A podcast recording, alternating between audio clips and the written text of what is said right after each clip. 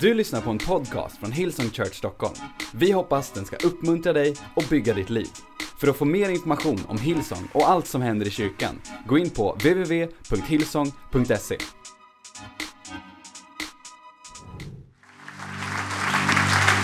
You can have a seat. Hmm.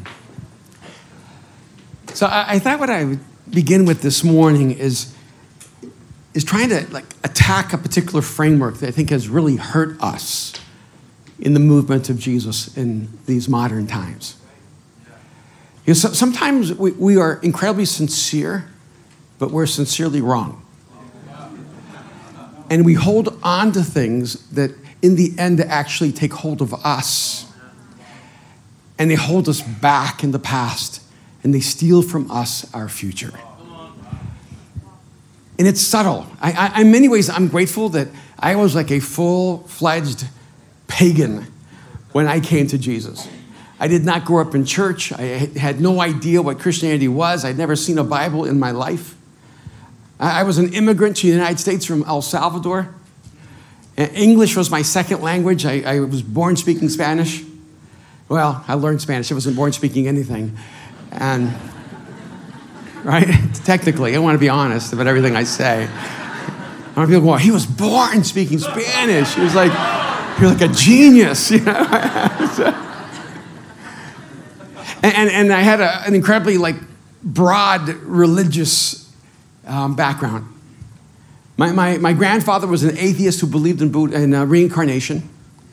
And so he took us to a house and he said the little boy died there when he was nine years old and then he was reincarnated. My grandfather said that was me. And so I was raised believing in reincarnation. My grandmother was Roman Catholic, but we never went to Mass. But she did tell me to pray to Jesus and taught me to fear everything. my, my real father was Jewish and who later became a Mormon, so that's very confusing. and the, the man my mom married, who became my dad, was just a good, solid heathen who didn't believe in anything except for money.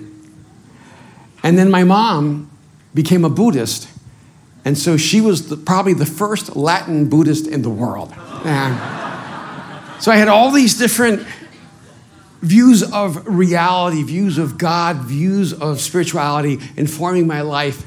And, and, by the time I was 12 years old, I read every book on mythology in the library, including all Norse mythology. So I knew about Valhalla and Thor and Loki long before Marvel Comics introduced them to me. And, and a lot of it was because I, I, I somehow felt like maybe in the story of the gods, there was the story of us. Maybe if I could understand mythology, I could understand myself. And I'm convinced we're all trying to make sense of who we are. So when I came to faith in Jesus in college, and I opened up the scriptures the first time, it was all new to me. And what I thought was so strange is that many of the people who believed so deeply were incapable of seeing what was actually written in the scriptures because of what they've been taught the scriptures actually said. One of those areas is even the area of greatness. You, you, you ever realize that, that there's something inside of you that longs to find your uniqueness? Yeah, you know, you're not allowed to say that out loud, but you ever had a sense that there's something great inside of you, but maybe no one else can see it? Maybe you can't even see but you know it's there. But you, you've been conforming and becoming a part of the status quo for so long that you don't even know if you can find who you really are. You've been doing what you were told because you thought it was the right thing, but even though your soul told you it wasn't really right for you.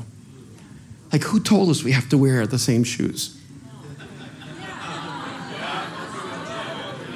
Who told us that we all had to be the same? The word discipleship has become the code word for conformity. And we're not really supposed to be ambitious because ambition is wrong. Well, you can be ambitious at work. In fact, you should be, or you can be a disappointment to your mother and a heartbreak to your father. So you should be ambitious at work. Do your job, make a living, do something meaningful in the world. But when it comes to the spiritual aspect of who you are, when it comes to anything with the church, when it comes to anything attached to Jesus where you're not supposed to be ambitious. That's, that's a negative thing.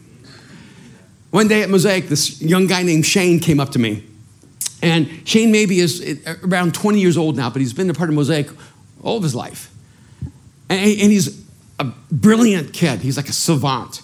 And he would always come up to me and say, Hey, Pastor, can I ask you a question? It would always make me nervous. You know, because you don't want like a 14 year old kid asking you the question you can't answer. You know, you're like, I don't believe anymore because of you. And, and you know, so you're, you're terrified that this kid's going to ask you the question you don't know the answer to. And so he comes up to me and he says, Pastor, I have a question. Can I, can I ask you? I said, Sure. And, he, and, and, and I thought it was going to be about God or outer space extraterrestrial existence or multidimensional, you know, realities. No, he, he asked me the question that was so unexpected. He said, "Is it wrong to be competitive?" And when he asked me that, it caught me off guard. They go, well, what, what, do you mean? Is it wrong to be competitive? Is, is it wrong to be competitive? He goes, I'm really competitive. I just need to know, is it wrong? Because, you know, he wants to be like Jesus. But he feels this deep sense of competition. And I, I was really sad that he asked that question. Now, not because he had the wrong ambition to be competitive, but because he'd been at Mosaic all of his life and could think it was wrong to be competitive. And I said, No, it's not wrong to be competitive. He goes, So it's, it's all right for me to be competitive? I said, Yes, it is. In fact, I, am going to say it's God given.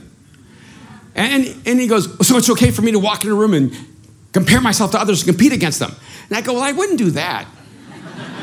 And he goes, Why not? He goes, I like knowing I'm better. I like pursuing the better. I want to win. And I said, Oh, I thought you wanted to be the best in the world. So I do want to be the best in the world. So if you want to be the best in the world, don't compete against other people, compete against yourself. Because when you're the best in the world, who are you going to compete with? So if you spend your whole life competing against other people, you're never going to be the best in the world. You're just always going to find someone less talented than you so you can compare yourself and feel better about yourself. But that question still was there. Is it wrong to be competitive? And I started asking the question, just reflecting and go, how, how is it he came to that conclusion? And I began realizing that that's sort of like the sub narrative in the Christian faith that we sh- should not be competitive, that we should be cooperative, and cooperative is good. But a lot of times, instead of moving from being competitive to being cooperative, we actually move from being competitive to being compliant or to con- being conforming. And, and it's, some it's, it's around this idea of being ambitious. You ever realized that, that we're uncomfortable with ambition? Like once you follow Jesus, we're not supposed to be ambitious anymore, right? We're just supposed to be. Because we don't see Jesus as ambitious. We think Jesus, if he lived today, would be sitting in a cafe sipping an espresso talking about life. But he would never own the cafe because that's too ambitious.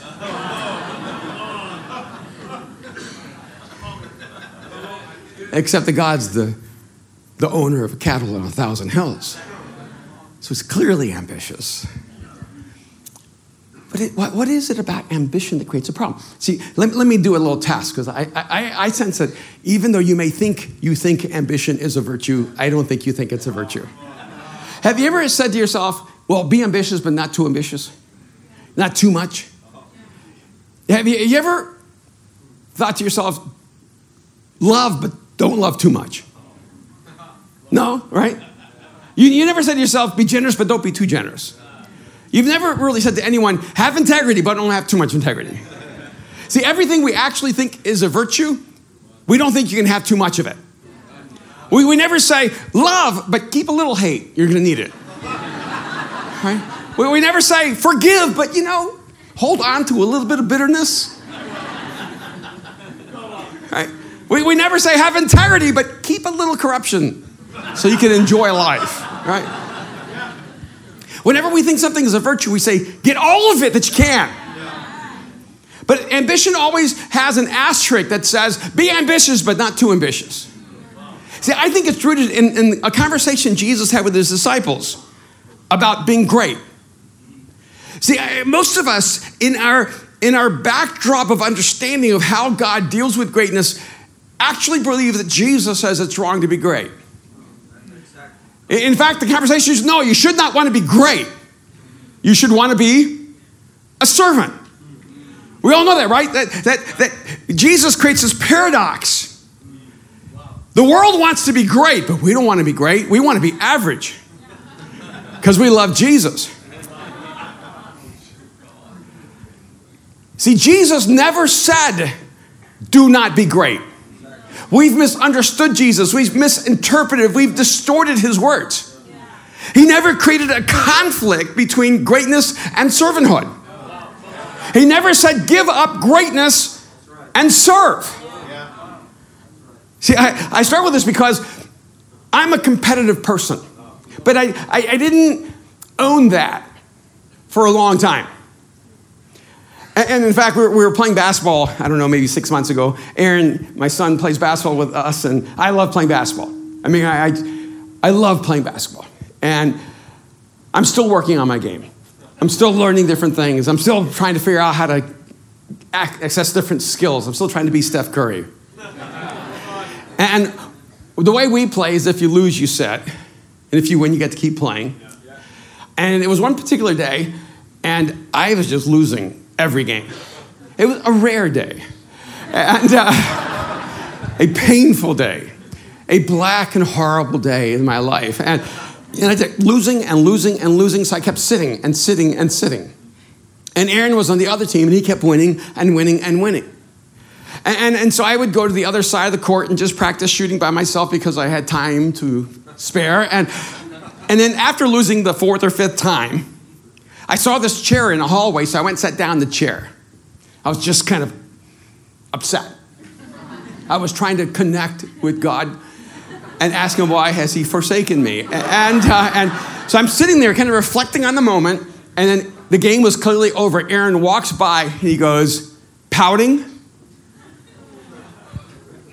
Now, I don't know how the word pouting translates into Swedish, but uh, it was not a good moment said, What? He goes, Looks like you're pouting. Are you okay? Empathy is not Aaron's primary approach. And, and I said, Yeah, I'm okay. He goes, It looks like you're over here just pouting by yourself. I said, Aaron, I'm by myself for a reason. Can you just leave me alone? He went, whatever, to the bathroom, came back. He goes, Oh, you're still here? So I got up, grabbed the ball, just started shooting by myself. He came over and goes, Dad, really, are you okay? And I said, Aaron, I know this is hard for you to believe, but I hate losing. I said, I know I've hit it well all my life, but I am so competitive. He looked at me and he goes, Dad, you have never hit it well.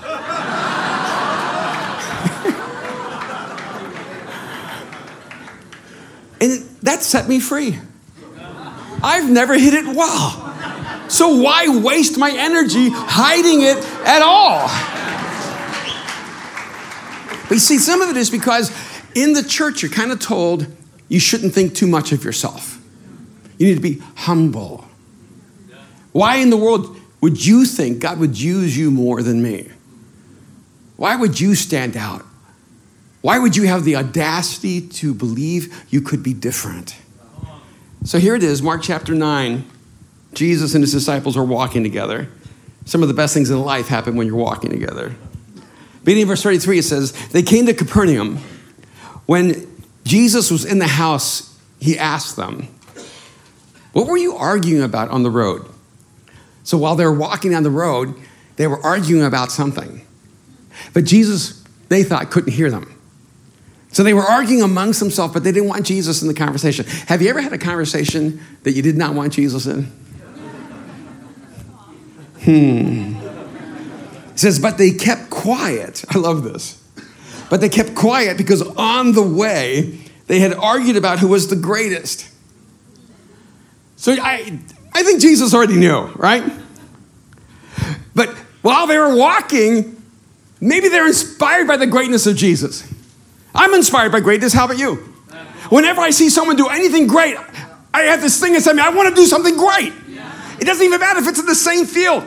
Eh, whether it's, it's Steph Curry in basketball or, or, or, or, or whether it's, it's Messi in, in, in, soccer, whatever, whoever it may be, I'm inspired by them and I go, I want to do something great too. When I see a Michelangelo or a Picasso, I go, I want to do something beautiful with my life.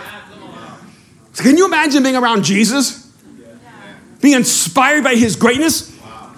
But they were arguing amongst themselves who was the greatest. And so they remained quiet when Jesus asked them, You know why? They say, I know why. It's because they didn't get the answer right.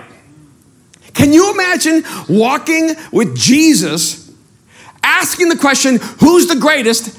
and not saying, Jesus. And I don't care how good we are at anything. If, if we're walking with LeBron James, we're talking about who's the best basketball player among us, it would be kind of obvious who it would be. But they, they didn't answer Jesus. You know how I know that? Because they remained quiet. See, if they'd answered Jesus when Jesus, what were you talking about? They would have said, We were talking about who's the greatest. And Jesus, we all said, You. It's so obvious it's you. Then we talked about who's the second greatest, but, but, we, but we nailed down who's the greatest. But they did not, here's the amazing thing they did not conclude it was Jesus. So they remained quiet. Sitting down, I love how Jesus sits down when he's going to say something that should be said standing up. Jesus called the 12 and said, Anyone who wants to be first must be last and the servant of all. Now we know this. We've heard this a thousand times. If you want to be first, be last.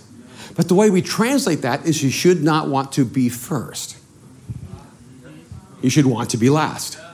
That's why we keep getting it wrong.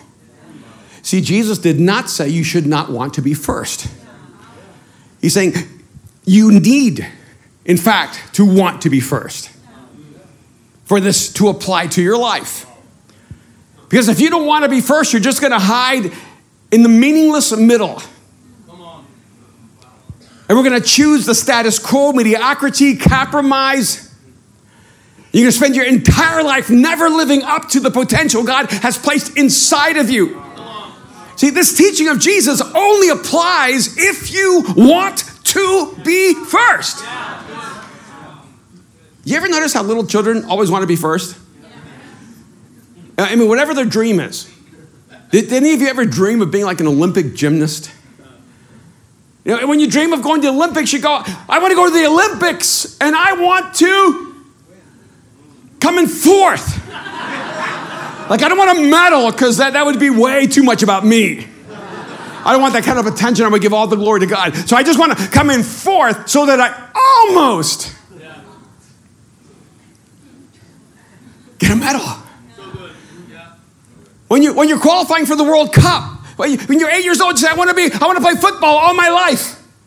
You dream of, of being Messi or, or Pele, or you dream of being Beckenbauer, or you dream of being someone that identifies being the greatest in the world. You don't go, you know, I, I want to be on a team that almost qualifies for the World Cup. You know, like the United States or Italy.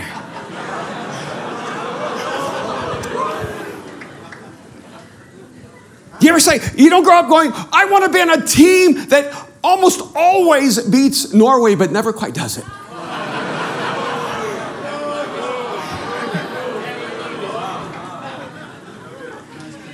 Why is it that when you're nine years old, you want to be the best in the world? See, in the States, no child says, When I grow up, I want to be vice president. no one dreams that. No one dreams of being president anymore, but that's a, side note.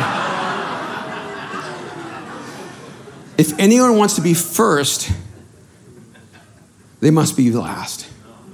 See, Jesus is not telling you to not pursue being first, He's telling you how to become first in His kingdom.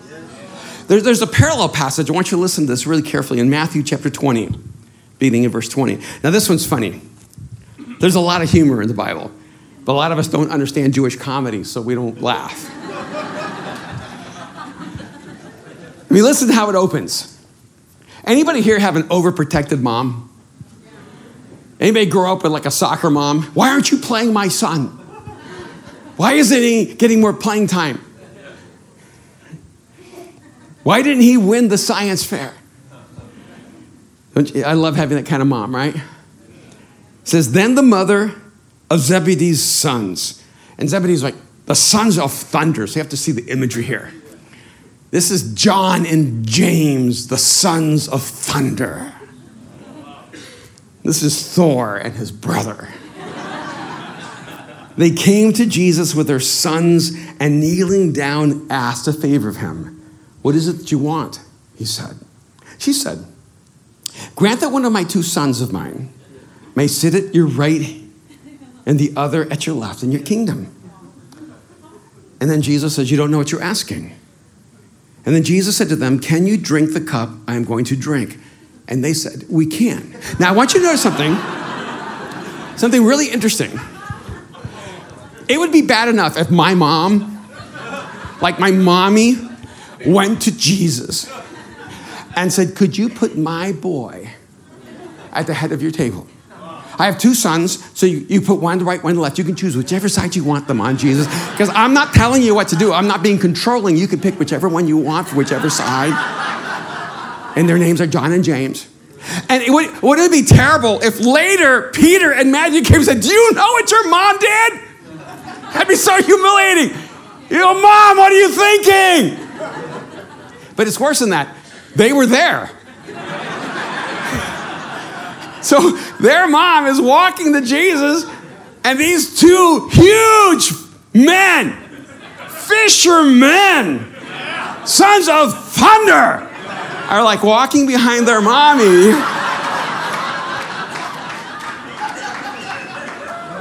Like, go ahead, mom. It's, it, just, it had to be just this beautiful moment where she's talking to Jesus saying, Could you put one of my sons to your right, one to your left?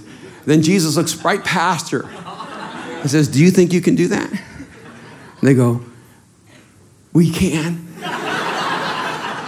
We're hiding behind our mom, but we can drink this cup, Jesus.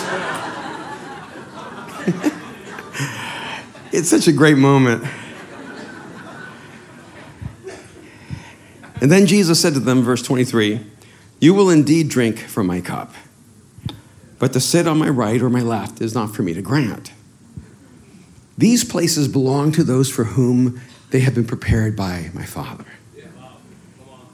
When the ten brothers heard about this, when the ten others heard about this, they were indignant with the two brothers. I love that word indignant. Have you ever been indignant? You know, I don't know how many pastors in this room, but you know when pastors are indignant? Pastors get indignant when other pastors become effective. Who did that pastor think he is growing that church? When we've been here longer, being ineffective. You know what I find? We become indignant when someone else asks God for what we wanted. We become indignant when someone else is living the life we've longed for. You, you ever liked a girl, but you never asked her out because you didn't want to like impose on her and you're trying to be a gentleman and wait your right moment, and then your best friend goes and asks her out, and she says yes. See, then you're indignant. How dare you? Who do you think you are? I'm the guy with the girl. That's who I am. And uh, I, I, mean, I'm listening to the stories around the world. And see, I, I'm, I'm, not, I'm not a part of Hillsong, so I can say this. I'm not even Hillsong family. I'm just like Hillsong neighbor down the street, you know. and, uh, right. But the good neighbor. I travel the world, and everybody's like, "Do you know what Hillsong's doing?" I go, "Yeah," but no one knows what you're doing. because the only places you can criticize are the ones who are actually doing something. You know what drives me crazy? How audacious they are. You guys are audacious. And there's a lot of people indignant because you have the courage to do what we wanted to do. But we never did and would have never been done if you had not come along.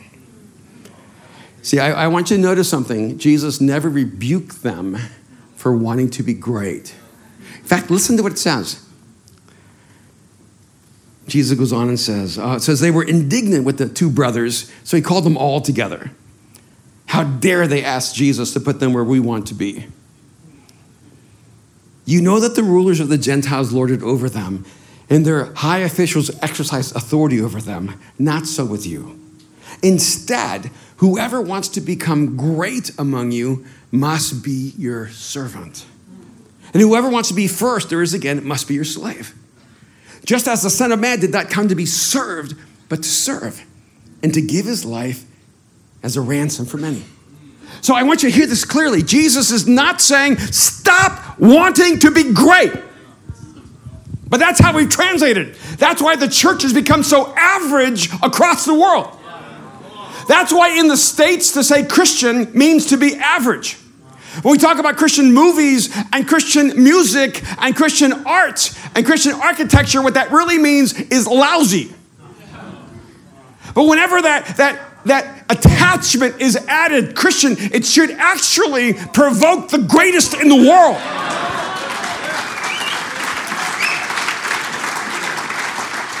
So this only applies to you. See, if you're here and saying, I don't want to be great, I'm, I'm above that, then this doesn't apply to you. See, the only person needs to learn how to become the servant of all is the person who aspires to greatness. Because Jesus is saying, Look, I don't want to change the ambition to be great. I want to change your understanding of greatness. So he doesn't say choose servanthood over greatness. He's saying choose greatness, and the path to greatness is servanthood. And, and, and then Jesus says, just like me, if you want to be first, be last. If you want to be great, be a servant, just as the Son of Man did not come to be served, but to serve and to give his life as a ransom for many. Do you think Jesus was great? See, Jesus was great. I, I, I didn't really get the response that I was expecting. And uh, you're going, I don't know. Kind of like he was killed, you know. See, we instantly know Jesus is the greatest servant who ever lived on this earth.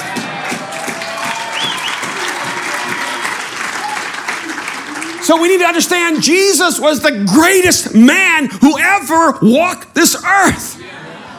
Because he came to show us what greatness looks like. So the path to greatness is by serving others. It is not about seeking fame, but pursuing greatness.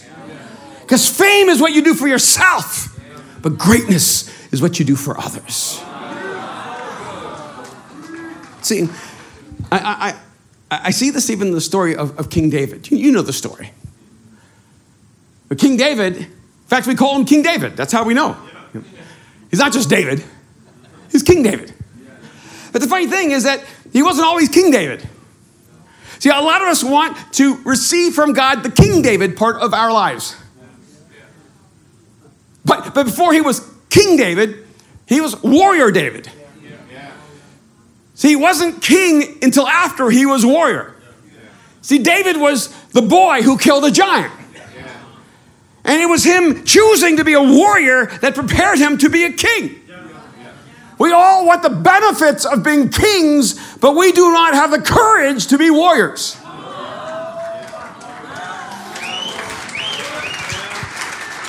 And then sometimes we get to the place, all right, I want to be a warrior. But before David was a warrior, he was a shepherd. And so we want to be kings, but we haven't chosen to be warriors, and we want to be warriors, but we haven't chosen to be shepherds. See, because it was his being a shepherd that prepared him to be a warrior, that prepared him to be a king. And, and, and then we might go, oh, I want to be a shepherd. I want to be able to be trusted by God. But he, he was a shepherd, but before he was a shepherd, he was a servant. And being a king was just the natural extension of choosing to serve. He chose to become a servant. In fact, that's David's language when he talked to Saul. He's saying, Your servant, your servant, your servant. He didn't say, Your king. He didn't say, Your warrior. He didn't say, Your shepherd. He said, Your servant, your servant, your servant. So David the servant became David the shepherd. And David the shepherd became David the warrior. And David the warrior became David the king. See, there are things God wants to pour into your life. There's greatness waiting for you. There's greatness within you that God wants to awaken and unlock and unleash. But that greatness that comes when you are king only comes when you enter the battle or are willing to go to war.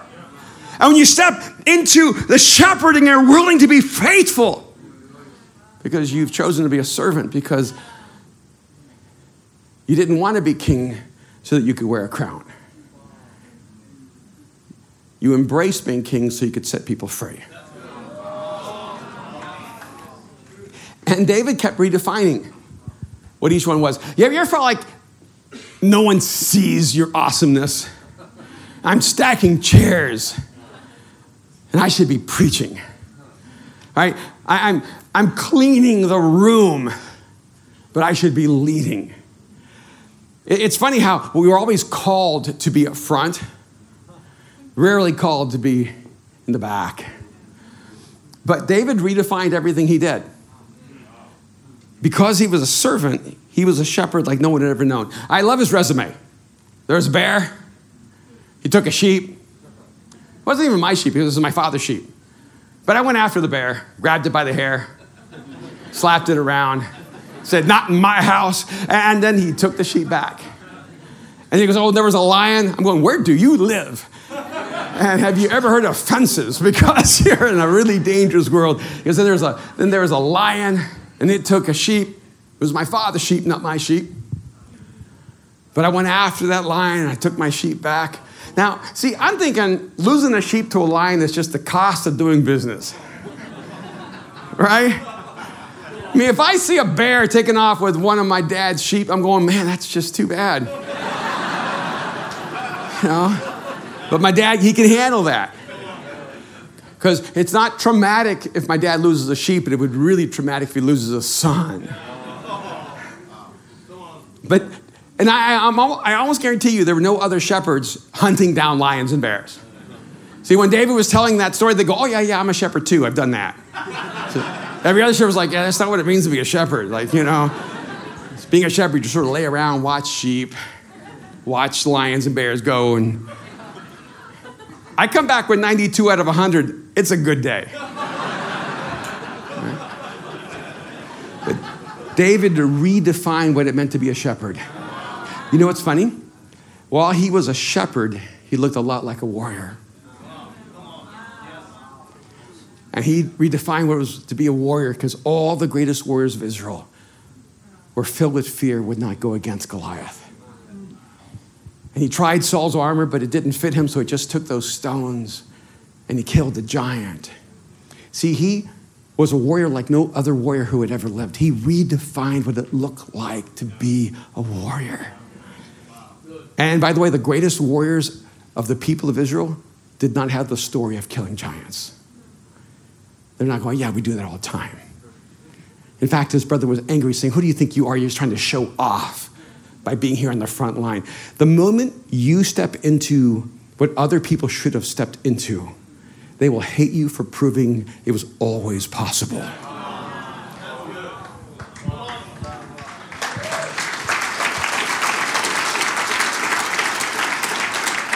Don't expect people to applaud you. When you prove what they said was impossible, was always waiting to happen because it's an indictment on their faith and their courage and their character. David, when he was a warrior, he looked a lot like a king. And when David became a king, sometimes he forgot that what a king does is serves. And those were the worst moments of his life when he acted like the same kind of king that the rest of the world was. So Jesus says, everyone deals with power. In fact, he says to his disciples, You've got some bad examples out there. You know the rulers of the Gentiles lord it over them, and their high officials exercise authority over them. Not so with you. You're going to be great, and you're going to redefine greatness for the world. I was supposed to be here last year, but I had to cancel. Well, now I didn't have to cancel, I had to postpone. And I, I, my kids will tell you I have this high sense of responsibility. Even though they told me I had cancer a year ago, a year ago in four weeks, I wasn't going to cancel. I was still going to come. And my wife and my surgeon said, Could you just stop traveling so that you could travel the rest of your life? Or this is going to be the rest of your life. So I had to, at the last minute, cancel. I had no notice. They told me on December 15th I had cancer, and by January 15th, I was in a hospital. And what was supposed to be a six hour surgery, a two hour surgery, ended up being a six hour surgery. And, and it was so hard for me to, to know I was missing this moment with you guys. And, and yet, I'm so grateful for Dr. Khalili. See, I, I ended up having basically the best surgeon in the world. There, there, there's a robot that has been invented called Da Vinci, where they turn your body upside down. This robot goes into your stomach and it cuts out the cancer. It's. And my surgeon invented that robot. It's amazing. He was an engineer who had a midlife crisis and became a surgeon.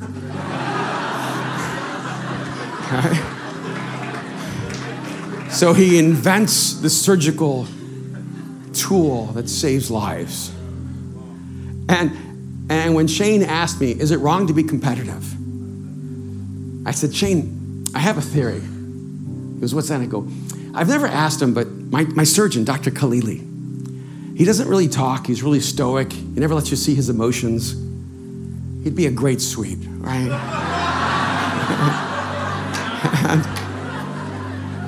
Am I allowed to say that? and I said, but I think Dr. Khalili is really competitive. And said, in fact, I think he's so competitive he hates to lose. And I'm actually his playing field. And cancer is his enemy. And he's going to go in and win. See, I don't want a surgeon who doesn't want to be great.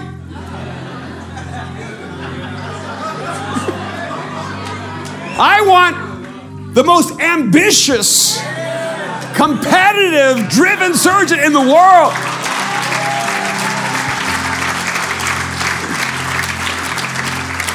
So I had to go back to Dr. Khalili and I because I have to have all these checkups to make sure the cancer doesn't come back and all that sort of thing. And I said, Dr. Khalili, can I ask you a question? He goes, Of course. And I said, I have this theory about you.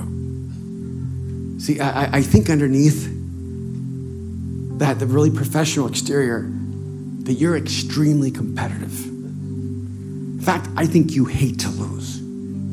I think that when you lose the cancer, when you lose a patient, you can't even sleep at night because you just need to win every battle. Didn't blink. I thought, man, hello? And then I I just paused a moment longer, and all of a sudden, he broke into a huge smile that he could not control. And he looked at me, he said, it was almost like he was cheating. He said, I am so competitive.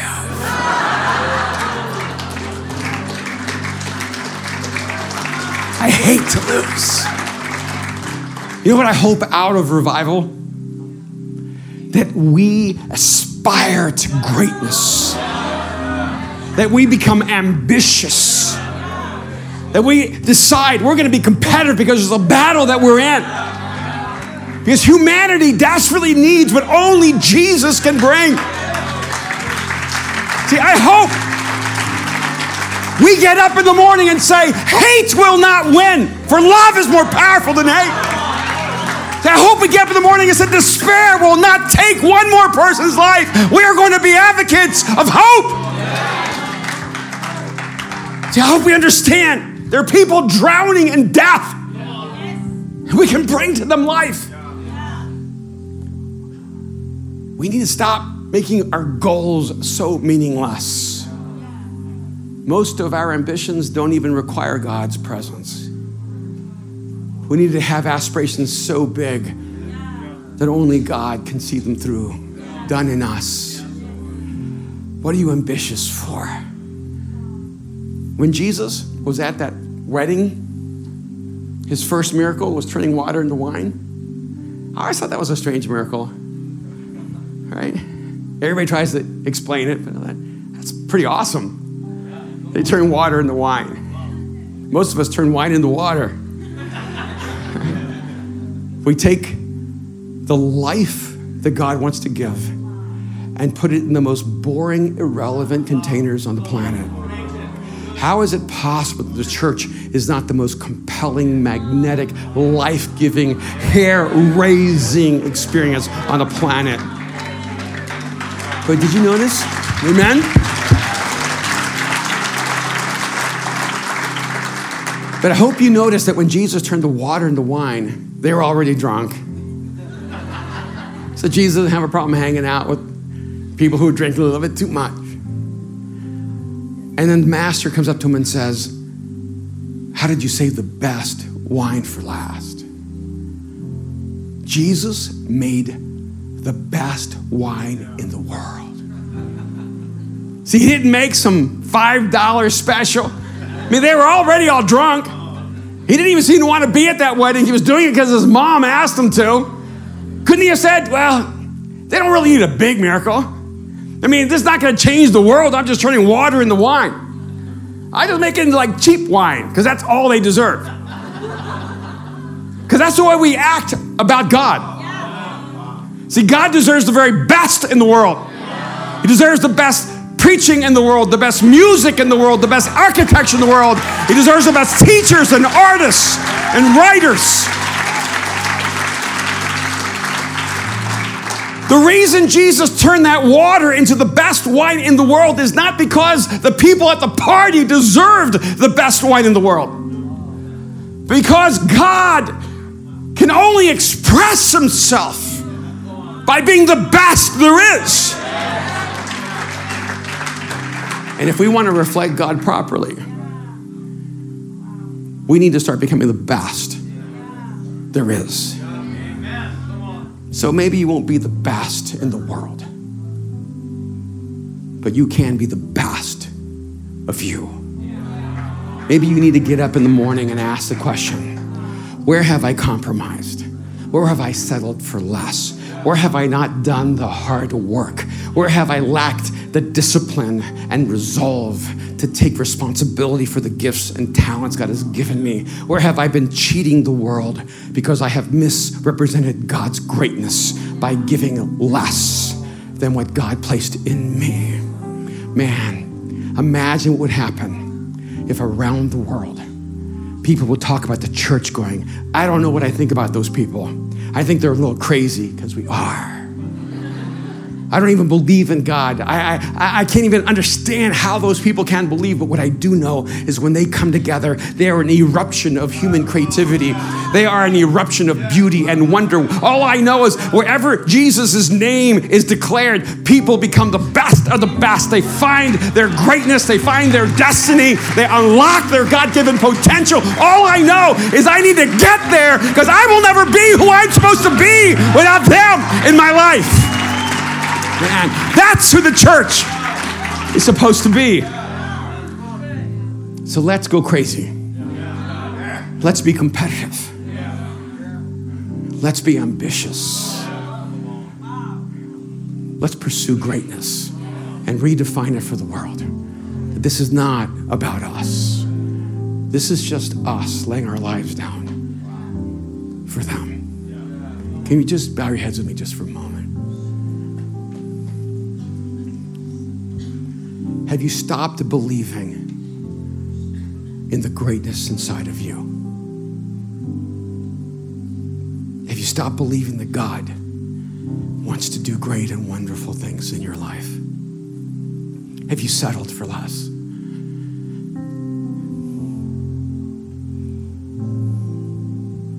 Is it time to say, God, I'd rather fail giving everything I have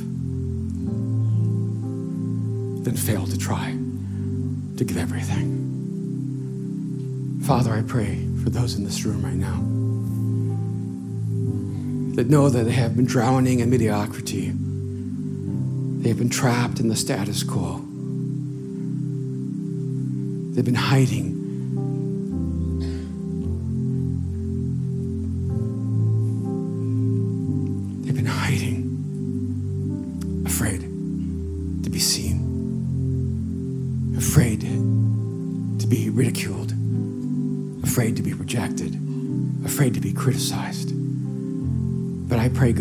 That you would raise up women and men who set the new standard for greatness. I pray that you would raise up individuals that would become great leaders, great thinkers, great communicators. God, that you would raise up out of this place great pastors and great teachers, great architects, great doctors, great engineers. That God, our children would become the best in the world. That God, they would never settle for less, that they would just believe and know that God has created them for greatness. That they would know that greatness comes through hard work. That you are the God who builds in us character and strength. I pray, God, the church would never settle for mediocrity, that the church would become the standard of greatness across the world. God, set us free. God, I pray that in this room, we would find our uniqueness. Why does everyone have to wear the same shoes on both feet? God, let them walk at the beat of the drummer that is Jesus and be who you created them to be. We thank you, Father, and we pray in Jesus' name. Amen. Amen. God bless you.